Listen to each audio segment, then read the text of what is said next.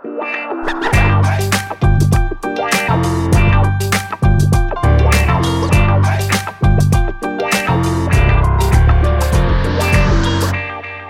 welkom bij een nieuwe aflevering van een podcast over voeding. In deze podcastserie gaan we in op de wetenschap achter voeding en laten we wetenschappers aan het woord over allerlei thema's die met voeding te maken hebben.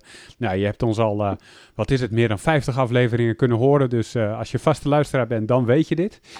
Maar wat we nu doen is wel nieuw. Uh, dat is de Week van Jaap. Dat is een nieuwe rubriek binnen, binnen deze podcast. Iedere dinsdag bellen we dan met Jaap en nemen we de week door.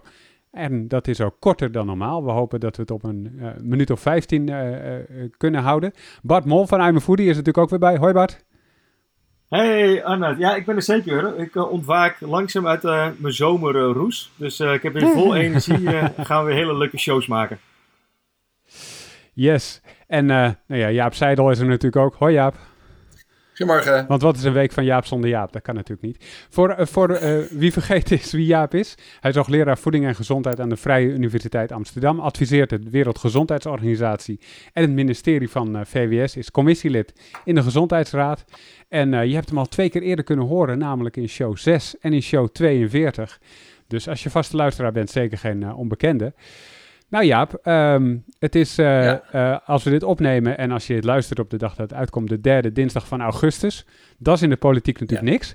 Maar de derde dinsdag van september, dat is Prinsjesdag. En uh, die komt ja. er alweer aan. Heb jij al iets gehoord over welke voedingsplannen het kabinet mee gaat komen? Ja, nou eigenlijk is er denk ik nog nooit een tijd geweest waar voedsel zo centraal stond in alle politieke discussies. Dat, dat, dat hebben jullie natuurlijk ook allemaal meegekregen ja. hè, op het gebied van landbouw, stikstof, vee. Eh, eh, dat is natuurlijk allemaal ook voedselproductie. Uh, de, de economie, de armoede, de stijgende voedselprijzen, dat, dat zijn allemaal grote thema's die, uh, uh, die nu spelen. En op het gebied van gezondheid speelt dat ook. Hè? Dus de niet te beheersen gezondheidskosten, dat er onvoldoende personeel is in de zorg. En dat er dus wat moet worden gedaan en dat er iets aan preventie moet worden gedaan. En dat er dus ook meer gekeken moet worden naar, ja, hoe komt het eigenlijk dat er zoveel mensen langdurig ziek zijn? Mm-hmm. En misschien komt dat wel deels door die ongezonde voeding. Dus op allerlei terreinen zie je dat uh, op een of andere manier, ook al wordt het woord voedsel niet genoemd, het eigenlijk wel over voedsel gaat.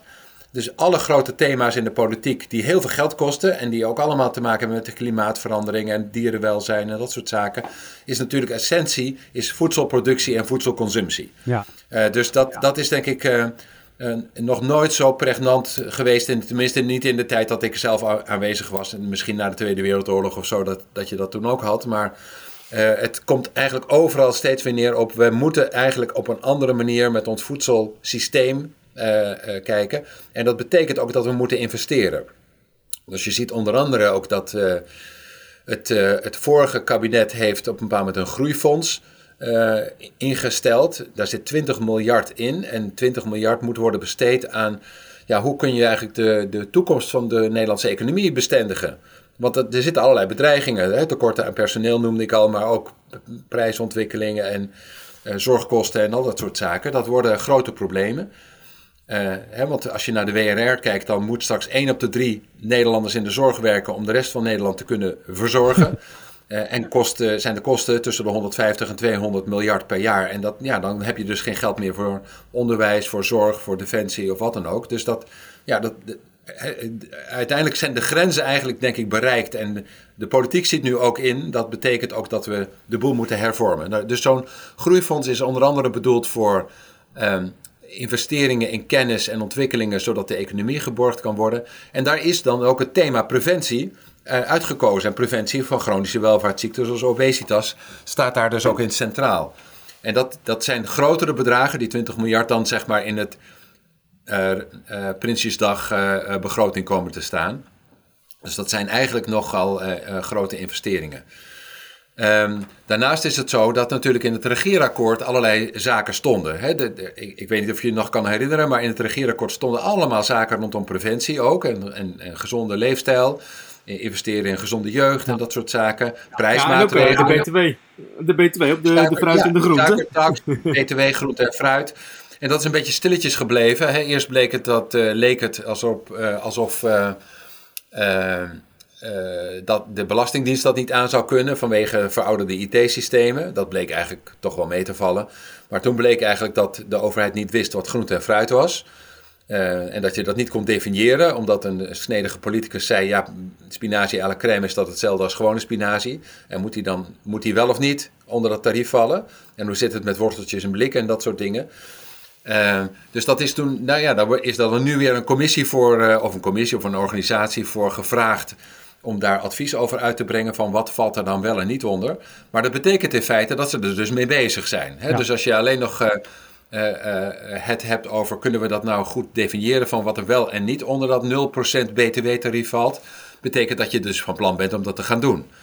Uh, en ik denk dat dat dus ook in het, in het Prinsjesdagakkoord, dat dat al in de begroting staat. Hè? Dus dat betekent dat de overheid heel veel minder inkomsten zal hebben door die, ja, het laten vervallen van dit btw-tarief. Maar dat kun je toch compenseren? of ze dat wel of niet kunnen compenseren met een suikertax, dat is dan natuurlijk toch de, de vraag. Ook daar wordt natuurlijk veel over gesproken. Uh, dus het is niet meer zozeer uh, uh, of die wordt ingevoerd, maar wel wanneer en hoe.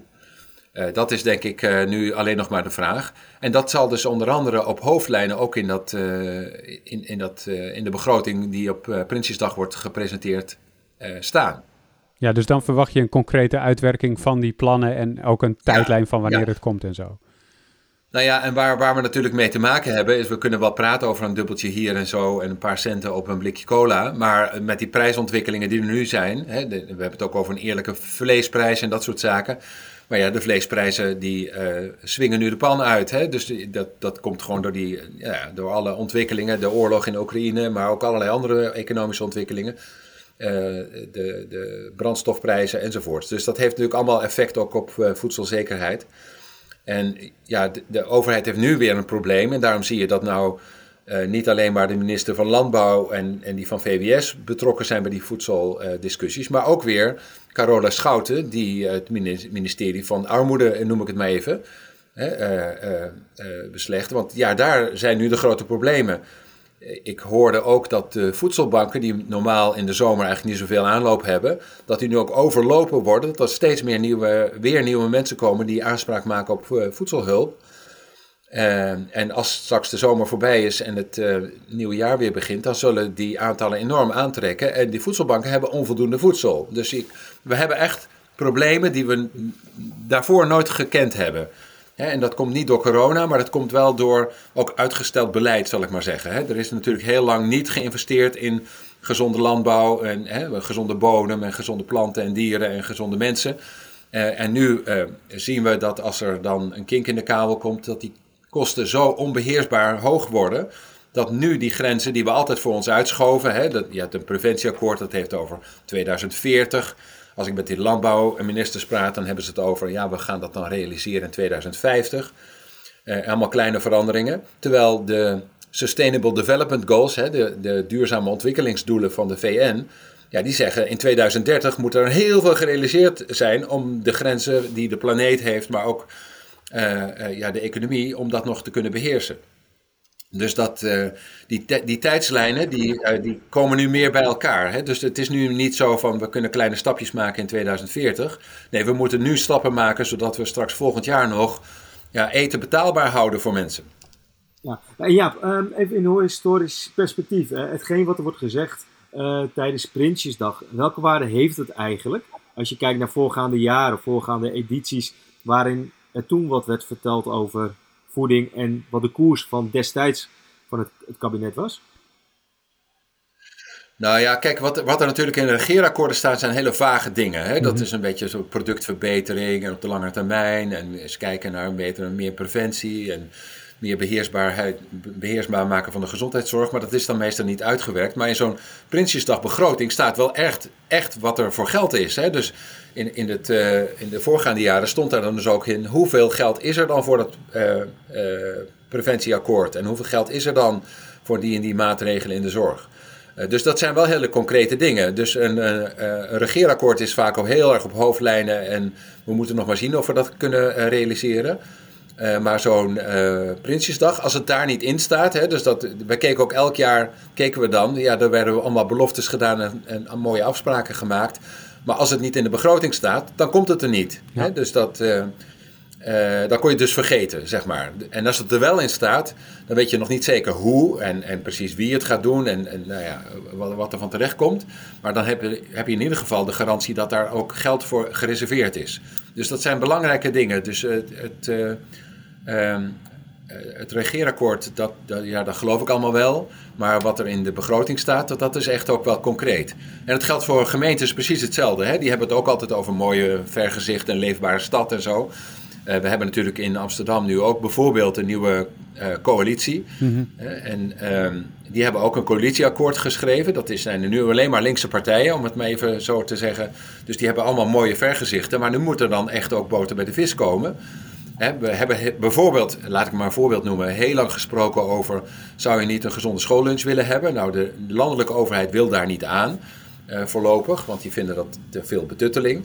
Uh, maar een gemeente als Amsterdam, die ziet wel dat die voedselvoorziening in kwetsbare gezinnen, dat dat echt een probleem is. En dat een uh, gezonde schoollunch best wel ook een, maatregel kan zijn. Niet alleen om de gezondheid van kinderen te stimuleren, maar ook om de economie en, en de, uh, het welzijn van ge gezinnen in het algemeen te kunnen bevorderen.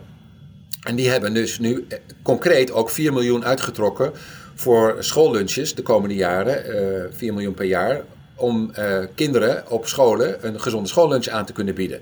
Nou, dan is dus nog niet duidelijk wie dat dan gaat doen en hoe die lunch eruit ziet. Daar zijn natuurlijk allemaal wel ideeën voor, die worden nu uh, momenteel uitgewerkt.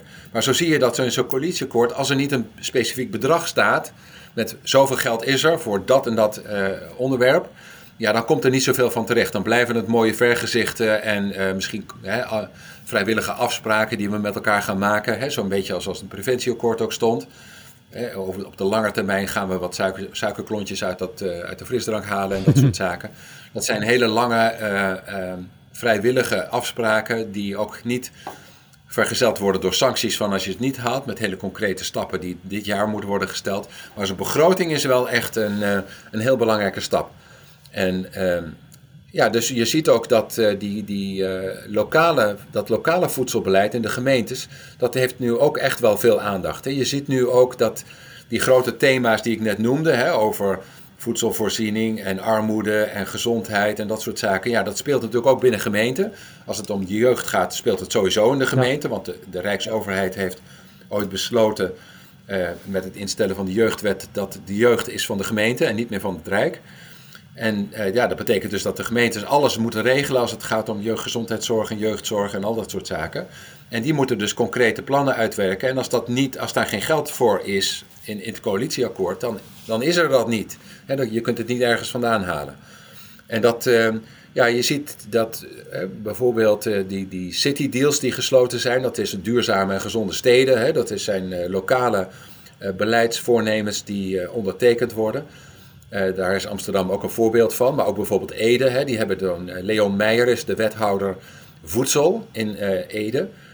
en die is herbenoemd. Hè, dus dat zijn goede, goede tekenen, denk ik, dat ook lokale politiek nu die voedselproblematiek hè, en het voedselsysteem, dus productie, consumptie, produ transport en al dat soort zaken, wat toch onder druk staat overal door allerlei ontwikkelingen, dat je dat nu als gemeente ook goed op orde moet hebben. Dus op, op alle terreinen, hè, je ziet aan de farm-to-fork strategy op Europees niveau, je ziet landelijke uh, overheden die zich voornamelijk nu, hè, dat zie je ook bij de Engelse overheid, die maken zich zorgen over voedselzekerheid en ja. over voedselproductie en, en, handel en dat soort zaken.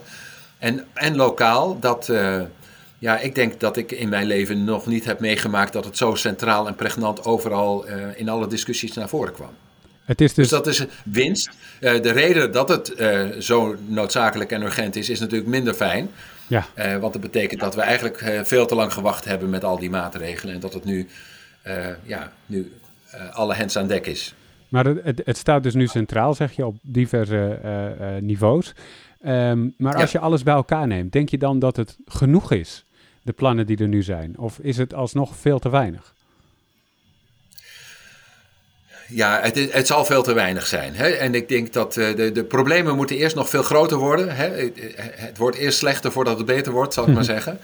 Uh, hè, als die armoede en de. Uh, ik denk dat als in het najaar die gasprijzen en de voedselprijzen zodanig stijgen. dat, dat we echt ook problemen hebben met honger en geen eten in de gezinnen enzovoort. En dat het ook qua internationale handel ingewikkelder wordt. Dat er allerlei afspraken zijn die op het gaat van, van, van landbouw en, en, en, en, productie, maar ook de zorgkosten en het gebrek aan personeel, dat die zo pregnant worden dat je op een bepaald moment zegt, ja, nu moeten we, nu keert de wal het schip, zoals het zo mooi heet.